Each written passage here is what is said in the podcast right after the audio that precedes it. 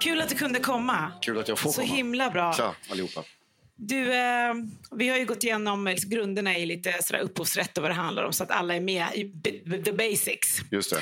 Men eh, vi ville så gärna att du skulle komma för att eh, du, ska, du har ju varit med så länge nu Mm. och du har ju skött din musikbusiness väldigt länge. Ja. Eh, och som jag förstår det så är du eh, själv en sån artist som är väldigt involverad personligen i din i musikbusinessen. Ja, det är jag ju. Jag eh, tror att det grundar sig i sig rätt mycket att jag har ett eh, ganska starkt kontrollbehov. Att jag vill liksom förstå hela processen. Och eh, när jag skrev på mitt första skivkontrakt så började jag springa väldigt mycket upp på skivbolaget. Jag, eh, jag bodde här bakom och skivbolaget låg nere i, i Gamla stan. Och jag var nere där i stort sett säkert fyra, fem dagar i veckan. Var jag uppe hela tiden och kollade att saker gjordes. Så att grejen var, jag fick också eh, känslan av att det var väldigt få som trodde på det jag gjorde. Hej Daniel, kul. Det var väldigt få som trodde på det jag gjorde när jag kom med den där första singeln, Mikrofonkåt. Det var egentligen bara en person uppe på skivbolaget som tyckte att det var någonting att ta i. De andra var inte så övertygande. Så jag blev, det kändes väldigt viktigt för mig att hela tiden försöka förstå hela processen och eh, allt från att liksom en skiva blir till till vilka som ska ge ut den i butik. Och jag kollade på jag kollade upp, så här, de hade, det fanns ett utskick som hette DJ Promotion på den tiden. Så man skickade ut skivor till olika DJs. Då, så DJ Pool. Och jag tog reda på alla de adresserna. Jag tog reda på alla adresser som eh, skivbolaget hade till olika människor. Och sen så började jag skicka ut min singel personligen. Ringa till skivbutiker, kolla om de hade den. Och så sa de nej vi har den inte. Men jag skickar 10x och sen ring mig om du vill ha fler. Och så höll jag på och gjorde så. Så jag drev väldigt mycket själv eh, i min egen process. Och, Eh, Mo från Sportrunners till exempel träffade jag första gången genom ett sånt samtal. Att jag hade liksom bara listat ut att han bodde i Lund och att han var DJ. Och jag ringde upp honom och sa har du mikrofonkod? Han var nej det har jag inte. Oh, jag skickar den så skickar jag till honom. Så så höll jag på väldigt mycket. Eh, Hur mycket tittar du på avtalen idag? Och... Idag är jag ju väldigt... Eh, eh, ska man säga. Det har hänt rätt mycket. För när, jag, när jag skrev på ett skivkontrakt 98 då var det väldigt så... Skivbranschen, det finns tre... Eh, det finns ju tre avtal som man pratar om. Man pratar om artistavtalet, licensavtalet och eh, distributionsavtalet. Det är därför jag har be- bett om en whiteboard. För jag tänkte jag skulle reda ut det här. Eh, Fan, vad grymt. Ja, men för det här är inte så lätt att förstå eh, för alla. Om man har en, ett avtal här som vi kallar för eh, ar, artist. Här är det. Det är ettan. Och så har man tvåan som man kallar för Eh, nu kan jag knappt jag stava, men licens någonting så skrivs det väl. Ja. Eh, och sen så har vi trean som är distribution. Då, då. Eh, skillnaden på de här tre avtalen, jag skrev på ett artistavtal. Och Det är det skivbolagen helst vill ha för att då äger de allt du gör. De äger rättigheten. Så att när jag hade skrivit på mitt avtal för en ganska låg royalty. Eh, de flesta jag känner som har hållit på länge har alltid gått den här vägen. Så att det är alltid något skivbolag som äger ens första skivor till exempel. För att sen när jag upptäckte senare att de gjorde det då började jag göra licensavtalet istället. Skillnaden på de här tre olika avtalen är att här så äger skivbolaget allt du gör. I det här fallet så licensierar du ut din musik till skivbolaget, det vill säga ett antal år, säg åtta år eller någonting sånt. Vilket betyder att då får du tillbaka låtarna sen. Så att min skiva som jag släppte på Universal var en licensskiva, den här eh, P till exempel. Den börjar nu klicka ut tillbaka, så då får jag tillbaka rättigheterna till den, så jag äger den igen. Eh, då har de, lånar de bara rätten att få, få göra den. Skillnaden här är att i avtalet så förväntas det att du själv ska driva väldigt mycket av processen. Det vill säga promotion, eh, alltså marknadsföringen. Du ska i stort sett leverera hela färdiga skivan till skivbolaget. Här någonstans så är du egentligen bara en person som, som de ska ta fram allting och göra allting åt dig. Eh, och distributionen, då, är det, då handlar det om att de egentligen bara säljer din skiva. De, de, de, eh, de äger inte rättigheten eller någonting. De har bara rätten till att distribuera ut skivan och då får de en viss procents royalty på det. Eh, nu ska jag komma till det att 98, 99 när jag skrev på skivavtal nere på BMG som jag låg, till, låg på då där ville man inte ens göra licensdealar. Det var väldigt, väldigt ovanligt att man gjorde licensdealar överhuvudtaget. För att hela skivbranschens tänk handlar ju om att äga musiken. Det är därför ni ser i december månad så kommer det alltid en Elvis-samling eller Best of Beatles eller Best of Dolly Parton eller någonting sånt för att man ska rädda liksom skivbudgeten varje år. Då släpper man en sån där. Och det är därför det är så stor grej att typ Michael Jackson till exempel köpte Beatles-rättigheterna. Så det här vill de ju såklart ha. Idag är det väldigt, väldigt ovanligt tycker jag. Eller jag ser inte så ofta att artister blir artistsignade för att det är mera i kanske tv-programmen, Idol eller någonting sånt där det händer. Eh, de flesta idag blir faktiskt licenssignade. Eh, vilket jag tycker är nästan egentligen det bästa. Och eh, där kan man också modifiera avtalet lite grann. Att man kanske kan få med skivbolaget att driva marknadsföring och sådana saker. Eh, och, och så, så lånar de rättigheterna. De vill ju självklart ha den dealen och jag tycker att den här är bättre. Men ett, ett problem som jag märker idag med folk som signar licensavtal.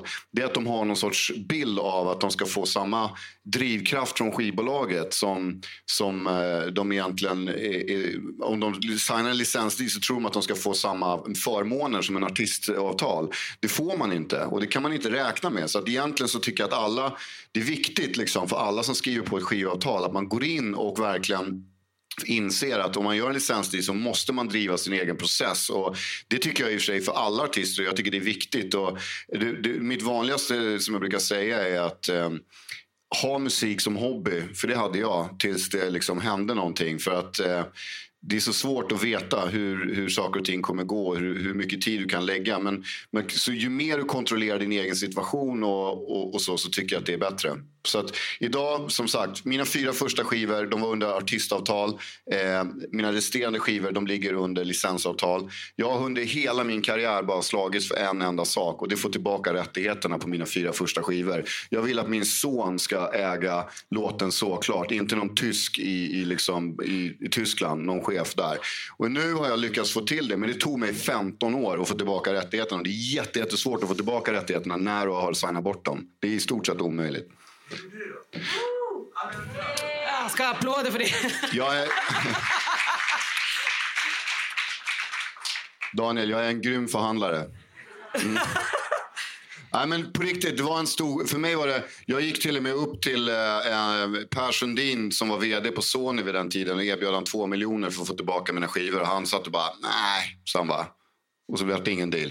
Så jag fick kämpa, kämpa, kämpa. Men nu är det så. Nu kommer inte jag få tillbaka de här rättigheterna idag. Men jag kommer få tillbaka dem när jag fyller 50 år. Och det är inte viktiga inte att jag får tillbaka rättigheterna idag. Det viktiga är att jag vet att, jag kommer, att de någonstans kommer landa under min familjs namn. Det är det viktiga liksom, för mig.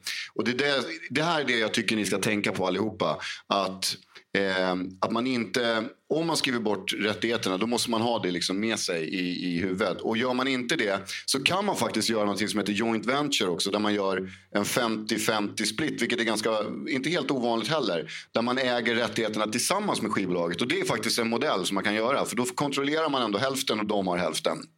Så det är en variant på det hela.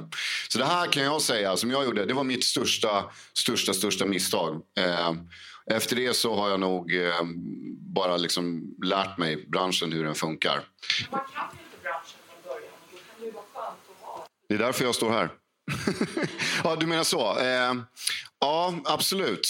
Eh, och jag tycker det, också, det, det, är en viktig sak som jag vill säga i det här också. Att det behöver inte vara helt fel här heller. För det finns ju, om man har ett skivbolag till exempel som är en, en, en, en, eh, en indie-label som kanske är några polare som har startat skivbolag och sen så signas man till det. Då tycker inte jag att det här är en konstig deal att göra alls överhuvudtaget. För då kan man ju på något sätt komma fram till att man äger ihop på något vis. Liksom. Så att jag ser, och sen så tycker jag inte heller, det är ofta man pratar så att skivbolagen framstår som så här onda och dumma och, och så där. Det tycker inte jag heller att man ska hålla heller. Utan jag har ju ändå på något sätt jobbat i båda världarna.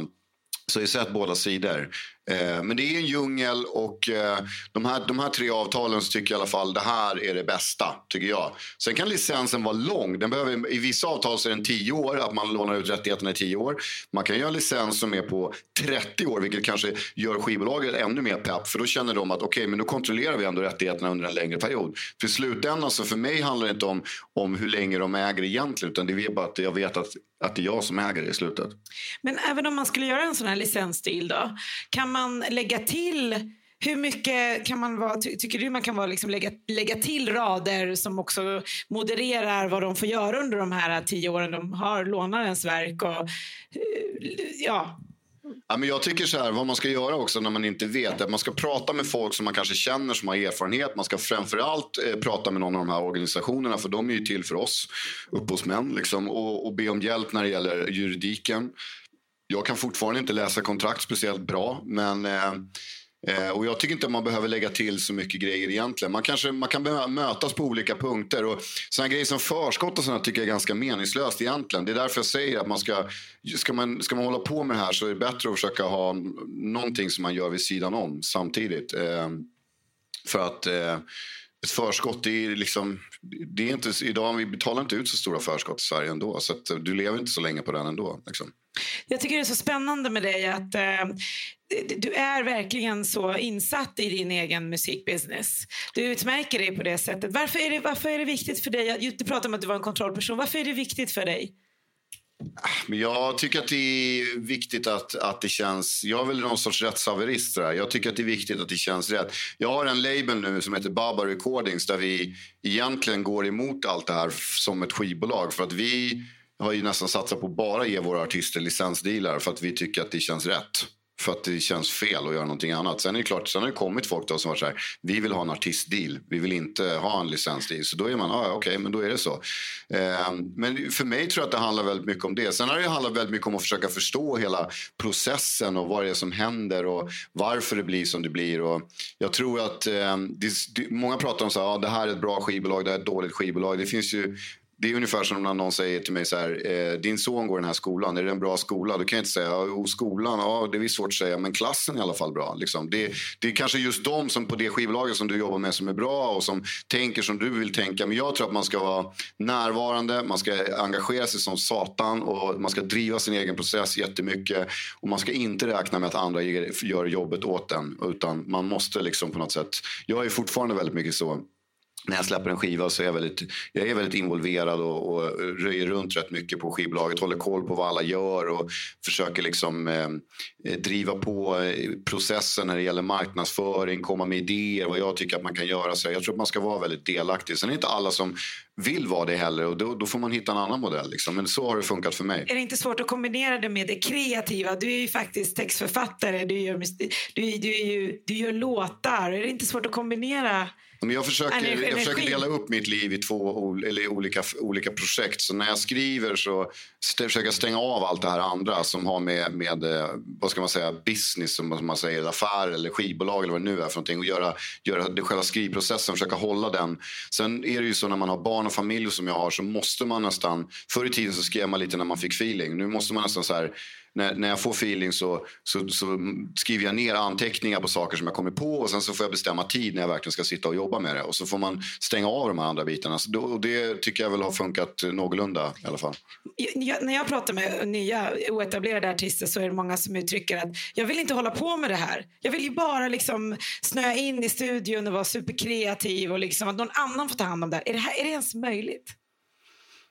Ah, det är det absolut. Jag tycker det finns många exempel på folk som kanske kör så. Men då kanske man ska ha ett management. Då kanske man ska ha någon som, någon som man tycker som är duktig på att driva den, eh, den processen. Liksom, eh, och hålla på med det. Jag tycker ju som sagt att allting är kul. Och jag vill gärna vara med på alla möten. Jag vill gärna vara med och delaktig i alltihopa. Och jag tror att det är det som är är, I mitt fall tror jag att det är nyckeln till eh, varför jag är fortfarande här. Att, att, att jag liksom är, är, så engagerad och driven i det. Och, eh, jag har verkligen inte haft en karriär som bara gått så här hela vägen. Utan jag har haft en karriär som har varit, liksom, vid 2003 någonstans, då gick jag ner ganska långt ner. Och eh, det var väldigt tufft fram till 2006. Eh, men då, då bestämde jag, jag bokade mina egna spelningar, vi körde egen turnébil och fixade allting själva. Liksom. Och det går att göra så också. Jag har en fråga här då. Yes. Tack. Eh, då jag undrar, när man tar tillbaka sina rättigheter, alltså man har ett licensavtal, då måste man ju fixa distributionen. Ja, och då kan man göra det med ett nytt skivbolag eller det som man kanske jobbar med för stunden och bestämma hur man vill göra då. Um, så att i mitt fall så åker mina skivor tillbaka till det skivbolaget som jag är med nu.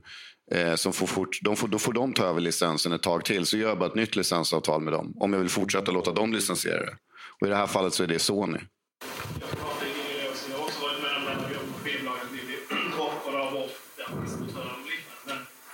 eftersom mycket är digitalt idag. Skulle faktiskt hitta en digital aggregator och liksom man ska få ut det från Spotify. Typ, Vi jobbar rätt mycket själv med PA och sånt. Men det, jag tycker skivbranschen, musikbranschen är så sjukt mycket roligare idag än vad den var på min tid. För min alltså, eller min tid, jag lever fortfarande. Men, eh, men när jag säger min tid, då menar jag liksom när, jag, när jag kom fram där 98, 99. Och, för då var det väldigt mycket det här liksom det var liksom som en, så här, som en flaskhals här, eh, som alla artister, oavsett om det var liksom in, vad det nu var, rockpop eller hiphop eller vad det var, så skulle alla på något sätt liksom tryckas ut så här genom den på samma sätt. Man gjorde samma sak, man gick till radio, man, man liksom eh, marknadsföring skulle, skulle ske på ungefär samma sätt. Idag så tycker jag att man kan göra så mycket mera grejer. Det är så här, man kan hitta helt andra vägar och folk som blir skitstora via Youtube till exempel. Eller Instagram eller sociala medier på något vis. Det är otroligt mycket roligare och jag tycker det är väldigt tacksamt med med Spotify också som man kan göra så mycket grejer med också. Så att, eh, det är helt klart en intressantare bransch och det är lättare. Förr i tiden så var det så här, man fick verkligen en studio kostade asmycket att gå in i och man skulle spela in så var det verkligen en stor, det var en stor investering att göra liksom en inspelning. Idag så kan vi spela in hemma med en, med en dator och en mikrofon och få ihop en ganska hyfsad inspelning. Saker och ting har ju förändrats väldigt mycket. Fler frågor? I, oj. Eh, du där bak, blå tröja och så får du prata högt. Nej men det var du som... Ja. Yes, uh, det skulle vara lite intressant att höra om din relation till musikförlagen och din syn på musikförlagsavtal. Ja, eh, för, för musikförlagen är ju... När jag hade skrivit på mitt första skivkontrakt så satt jag i ett rum på Gamla Brogatan nere i eh, Eh, Ehm, i gamla, ja, Norra Bankogren, var nere i Gamla stan och så satt jag i det där rummet och skrev på skivavtalet. Så så här, förlag, vad är det? Är det någonting man ska ha eller? Så frågade jag killen som hade skrivit avtalet med mig precis. Så han, ja det ska du ha. Gå igenom den här dörren så kommer du in till förlaget. För då låg förlaget vägg i vägg. Då skickade han in mig till nästa kille och skrev jag på ett avtal där. Fick jag 20 000 kronor. Jag hade aldrig haft 20 000 kronor. Det var, första, det var liksom förskott. Jag fick ju ingen förskott för skivan.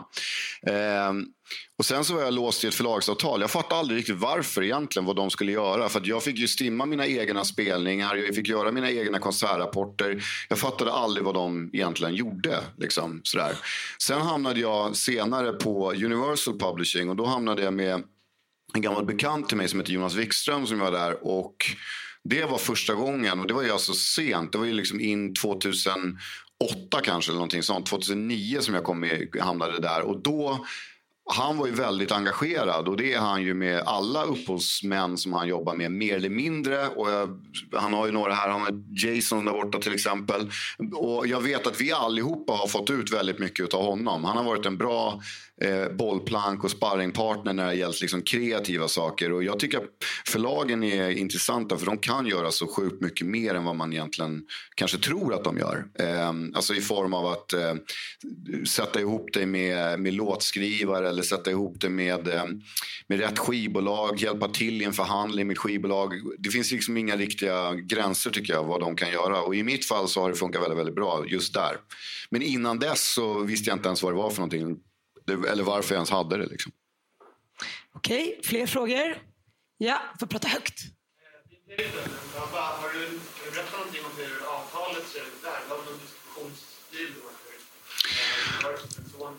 Ja, men vi, har en, eh, vi har en sorts licensdeal med dem som gör att vi, vi tar in artister som vi släpper via våran våran label och eh, som släpps via Sony helt enkelt. Och eh, vad ska man säga, vi är ungefär samma upplägg som jag tror att hemmalaget har där också. Eh, vissa artister kan bli artistsignade om de så vill det, annars blir de licenssignade och det kan finnas under olika längder så som vi jobbar med dem. Men när ska man ha ett distributionsstil då? Jag vet inte, egentligen så eh, jag har inte haft det själv så jag har liksom ingen riktig erfarenhet utav det men eh, Antagligen så, jag hade nog egentligen kunnat ha det också för att jag driver så mycket egentligen själv. Men sen så är det på något sätt att jag har varit lite bekväm och landat i det här så det har blivit det. Um, och sen vet jag att det är också en morot för skivbolaget att jag faktiskt ligger där också och då får jag en, liksom en högre prioritering också. Man får större engagemang? Ja, jag tror det. Så det, det, kan vara, jag, jag, vet faktiskt inte för jag har ingen erfarenhet av det men, men uh, jag vet ju många som har varit jätteframgångsrika i distributionsavtal också. Några fler frågor? Ehm, det är väldigt mycket om artisten, producenten. signar man producenter också? Det är ju förlagen som gör det. Som, som, de skriver, skivbolag signar liksom inte producenter. Om inte producenten kliver ut som en artist, det vill säga typ Mac Beats eller någonting sånt. Men eh, då handlar det mer om, om skapandet. Okej. Daniel, hade du en fråga? Ja, Daniel hade en fråga. Du med fyra plattor innan du gick ifrån artistkontrakt? För att jag... Eh, jag tror att jag var fast i de, i de eh, tre första. var jag fast. För att det fanns optioner på varje skiva. Man skriver ju ut optioner. Ibland så är det en option, ibland är det ingen option. En optionsrätt betyder ju då att skivbolaget, om de vill fortsätta jobba med dig så har de rätten då att liksom lyfta den där optionen. Det betyder att nästa skiva sätts igång. Eh, och i det fallet så gjordes det. Och jag tror att min fjärde skiva gick så pass dåligt så att de inte var intresserade eh, att göra en femte skiva med mig. Men det var Universal, så det var, då kom de in istället. Och då startade vi om där. Och det var då liksom hela skiten vände för mig också väldigt mycket. All right. Varsågod. Hur mycket bättre deal har du fått tror du för att du har här? Hur mycket bättre Deal, avtal. som jag har nu? Alltså hur mycket bättre deal har du än om du hade varit lag? om man säger så? Hur stor skillnad har det här att du är engagerad eh, och det här kontrollbehovet du pratar om har gjort egentligen för dig, för dina deals? Jag tror att jag har, eh, jag tror att jag har en mycket bättre... Jag tycker att jag omger mig med väldigt bra människor som hjälper mig också med avtal och så idag. Och sen är det på något vis som att jag gick ju på en, en ganska hård nöt med mina två första skivor som var extremt framgångsrika men som var sådär... Eh, jag, jag tror att jag hade på min första skiva så jag tror att jag hade kanske 6 eller 7 procents royalty eller någonting sånt. Eh, vilket var helt bisarrt. Eh, och den andra skivan var, den gick ju under samma... Eh, och, där, och på den tiden så var det helt galet för då hade man ju såna här konvolutavdrag. Så att då var det 25 procent som gick tillbaka till som jag var tvungen att betala för mitt eget skivomslag. Det var eh, videoserna eh, drog de av 50 procent som jag, som jag då skulle betala för videon. Eh, och sen ägde inte jag någonting av videon men jag skulle ändå betala 50 procent av videon. Eh, och det var väldigt mycket sådana grejer som jag kan uppleva som lite orättvisa som jag inte tycker är direkt schyssta. Eh, och sånt har jag ju städat bort och liksom format till. Så nu har jag ju med tanke på att jag har hållit på så länge som jag gjort och kunnat ställa de kraven som jag gör så har jag kunnat forma upp ett avtal så som jag tycker att det borde se ut. Så jag är väldigt nöjd idag. Jag tycker det känns jätte, jättebra. Men du, det här arrangemanget är ju eh, eh, skapat av eh, SKAP framför allt. Och jag vet att du är medlem där. Hur viktigt har det varit för dig har du, att vara med där? Tycker du? Vad betyder det?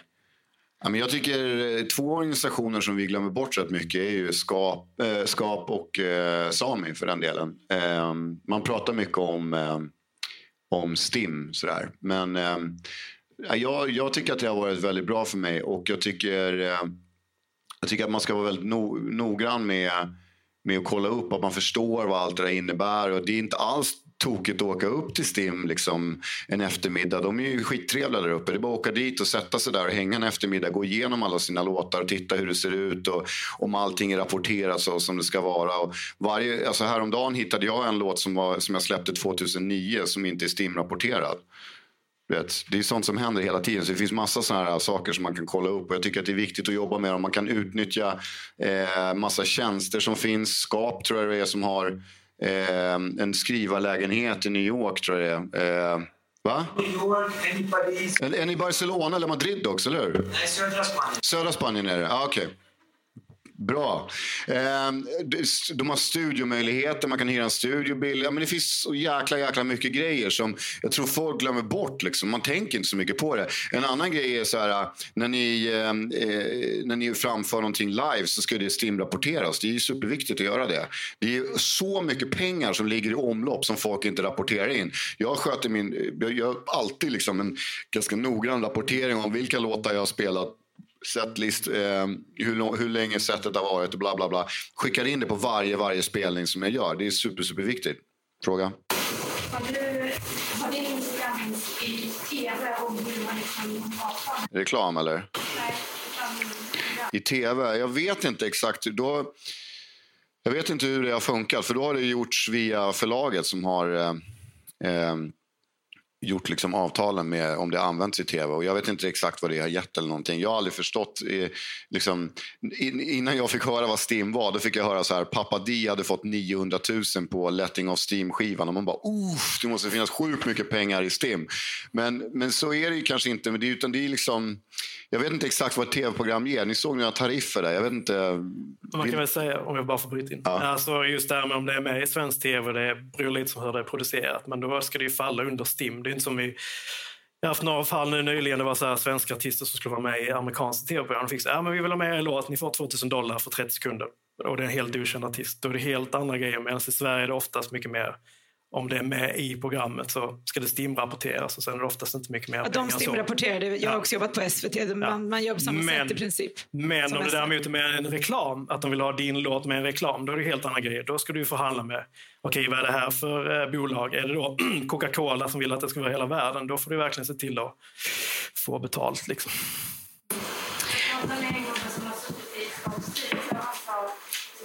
Jag har precis fått vara med i en SVT-dokumentär, så först på bio och sen på SVT och sen ska Så sa han, ja, det var på något sånt här random filmavtal. SVT har ett eget Har du förlag? Jag har inget förlag och då sa han, nej, nej, nej, du måste skriva avtal på varje separat grej. Jag skulle gå till Stim och ta hjälp av dem och be dem hjälpa dig med det. Eftersom du inte har ett förlag. Jag kan säga eh, att det är mer och mer som bryts ut ur licensen. Så att nu kan man inte heller, alltså tv-produktionen kan ju inte handla om biljetter. Nu måste man ju handla om biljetter. Exakt, det måste ju. Det är alltså musiken här själva biljetter, bland annat. Ja, det är separata avtal ibland. Men om det är bara i själva programmet, inte i ett. så faller det. Men just alltså, STIM och SKAP finns ju till för er och det är därför vi är här också. Inte bara för att ni ska också lära er en massa annat runt omkring liksom, men också för att ge kännedom om STIM och SKAP. För att de finns ju till för alla eh, upphovsrättsmän, eh, kvinnor och artister och så vidare. Och varför, jag tror att jag, jag är, har engagerats i projektet och att Petter är här och Supreme är här är också för att, eh, nu vet jag inte hur många här som håller på med hiphop, men just den, den genren befinner sig, skulle jag våga säga, i ett utanförskap vad gäller de här typen av organisationerna. Eh, jag har väldigt liten kännedom om eh, STIM, är väldigt, väldigt, inte så många som är STIM-anslutna eller anslutna. Eh, jag menar, jag spelar jättemycket hiphoplåtar och eh, ingen får betalt för att jag, när jag stimmar dem så finns det, då finns det inte där. Så det är lite grann därför du är här också för att visa hur det, hur det kan göras. Jag tänkte på det här, pratade ni om dig förut Daniel, när du läser eh, text? För det borde ju kunna gå att stimma också egentligen, eller? Alltså, vi gjorde någon drive, några poeter, för några år sedan. Ja. Försöka få till något liknande, men vi var inte så engagerade och det fanns ingenstans att gå. Konstigt. Det känns som att det borde vara så egentligen. Det kanske blir. Kanske blir.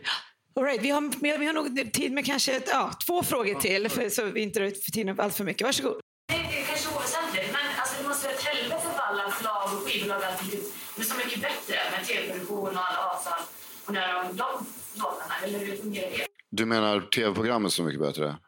Alltså med alla olika grejer. Ja, det där var ju värsta soppan. Men jag tror att de har rätt ut det där nu. Eh, det var ju jäkligt kul för att eh, mina låtar till exempel hade inte skivbolaget någon rätt till. Eh, vilket blev panik för dem när de insåg det. Eh, och värsta guldläget för mig då, självklart. Eh, men eh, sen så sa ju vi alla rakt ut och bara sådär att eh, också när det gäller låtarna att vi sa så här att det här är tolkningar och tolkningar går under cover. Det vill säga 100 procent till den som är upphovsman. Så i, i, eh, ja, i Lasse Berghagens fall då, när jag är i Stockholm med mitt hjärta så går det liksom 100 procent till honom. I alltså upphovsmannarättigheterna. Sen får jag då royalty för att den är med på skivan som släpps. Även, även fast i fall av eh, hiphopen, då skriver du texter själv då. Ja, även men det är där, ja, ja, sen kan man ju modifiera där hur mycket man har skrivit och inte skrivit. Men jag tycker att det bygger ju ändå på hans låt och det blir som... Så att jag tyckte det var helt okej att det var så. Det blir lättare också, för annars kan man hålla på och mäta. Ja, men jag har ju skrivit så här mycket, det borde jag vara så där mycket. Det blir bara jävla soppa av alltihopa. Det får väl bli en sista fråga. Du räckte upp handen. En snabb fråga bara, för mig som är väldigt ny. Eh, Jag vet ju hur man stimmar låtar och sådär och jag har själv skrivit det själv. Men hur stimmar man ett liveframträdande? Eh, du, jag brukar få en påminnelse om Stim att jag inte har skickat in mina live-rapporter. Eh, och då så går jag in och så tar jag ut en blankett som finns på deras hemsida. Eh, och där står det eh, live-rapportering och så står det eh, vad det är för sorts evenemang. Är det liksom en eh, konsert eller är det en arena eller vad det nu är för någonting. Eh, krogmiljö eller ja, det finns ju olika olika siffror för det. Och sen skriver man in vad det är för låt. Okej, okay, jag har kört mikrofonkåt, jag har kört eh, Vinden har vänt eh, och så, så, skriver jag ner vilka låtar det är. Och sen har ju de alla låtarnas vilka som har gjort upphovsmannar, eh, som har upphovsmannarättigheterna på låtarna. De har ju fördelningen, så då gör ju de den därifrån. Alltså, ni fattar hur mycket byråkrati det här är. Det är helt sjukt. Eh, och sen skriver man ner den där listan och så skriver jag, ja, jag har spelat i Knäckebrödhult. liksom. Och arrangören hette Sören Johansson. Boom, skriver ner det. Eh, här är telefonnumret till honom och bla bla bla bla bla. Det som är viktigt i det här det är att alla de här arrangörerna ute i landet de betalar inte alltid STIM-avgift eh, till STIM när du har gjort din konsert där. Eh, och då är det viktigt att du rapporterar att du har varit där. För sen är det deras uppdrag att jaga ner de här arrangörerna. För att alla arrangörer som har ett evenemang måste betala en stimavgift. Så är det bara. Så att, ja, det är så du gör. Men allting finns på deras hemsida, väldigt enkelt. Eller enkelt är det inte, men, men man börjar fatta det där. Och det bästa är som sagt, ring dem eller gå dit. Det är värt ett besök tycker jag.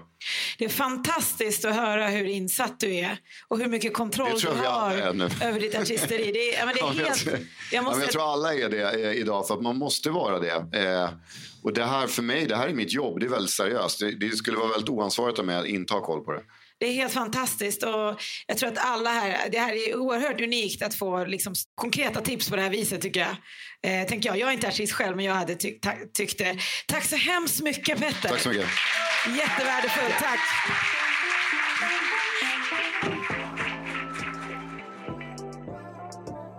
Du har lyssnat på Din Musikbusiness Podcast presenterat av Skap. Om du går in på skap.se kan du läsa mer om dem.